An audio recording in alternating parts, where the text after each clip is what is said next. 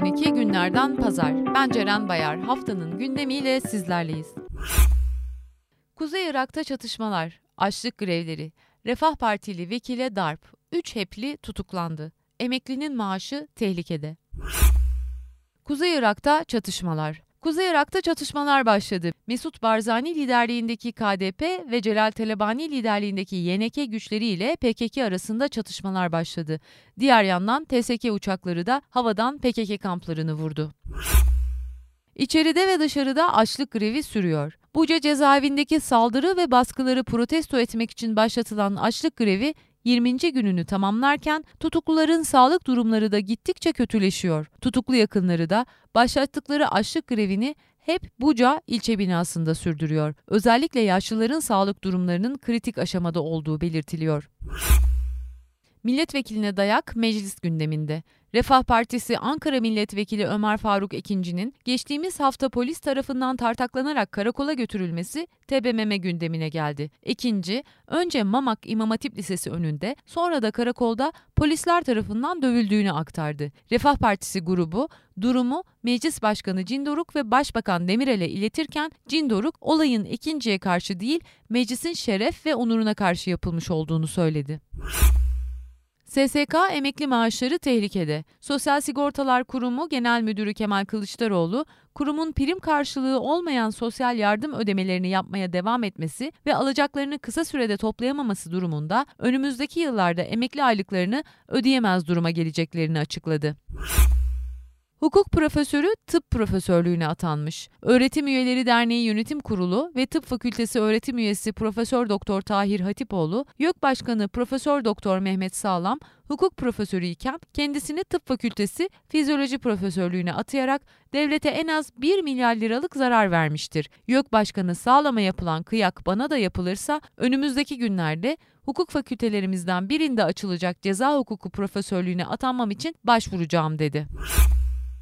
Kürt göçünde Mersin ilk sıralarda. Yapılan bir araştırmaya göre Mersin, Türkiye'nin göç nedeniyle nüfusu artan illeri arasında ilk sıralarda yer alıyor. Mersin'e göç edenlerin %70'ini ise Kürtler oluşturuyor. Mersin Nüfus Müdürlüğü son 5 yıl içinde Mersin'e 51 bin ailenin göç ettiğini açıklarken göç alan mahallelerin muhtarları bu sayının çok daha fazla olduğunu belirtti. Jandarma iç işlerine bağlansın. SHP terörle mücadele raporu hazırladı. Raporun öneriler kısmında terörle mücadele müsteşarlığının kurulması ve Jandarma Genel Komutanlığı'nın silahlı kuvvetler bünyesinden ayrılarak İçişleri Bakanlığı'nda kır polisi kuruluşu haline getirilmesi önerildi. Slogana silahlı cevap. Geçtiğimiz hafta İstanbul'da hücre evi olduğu iddiasıyla yapılan baskında öldürülen Makbule Sürmeli ve Kayhan Tazioğlu'nun cenaze töreninde atılan sloganlara polisler copla ve havaya ateş açarak müdahale etti. Aralarında 70 yaşında bir kadının da bulunduğu birçok kişi yaralandı, 60 kişi gözaltına alındı. Cenazeler daha sonra polis tarafından defnedildi. Hiç denetlememişiz. Devlet Bakanı Orhan Kilercioğlu aralarında TÖBANK, GİMA, Başak ve Güven Sigorta ile Kalkınma Holding'in de bulunduğu kamu kuruluşlarının bugüne kadar hiç denetlenmediklerinin ortaya çıktığını açıkladı. Kilercioğlu ayrıca 718 yolsuzluk ve usulsüzlük iddiasından 410'u hakkındaki incelemelerin ise tamamlandığını belirtti.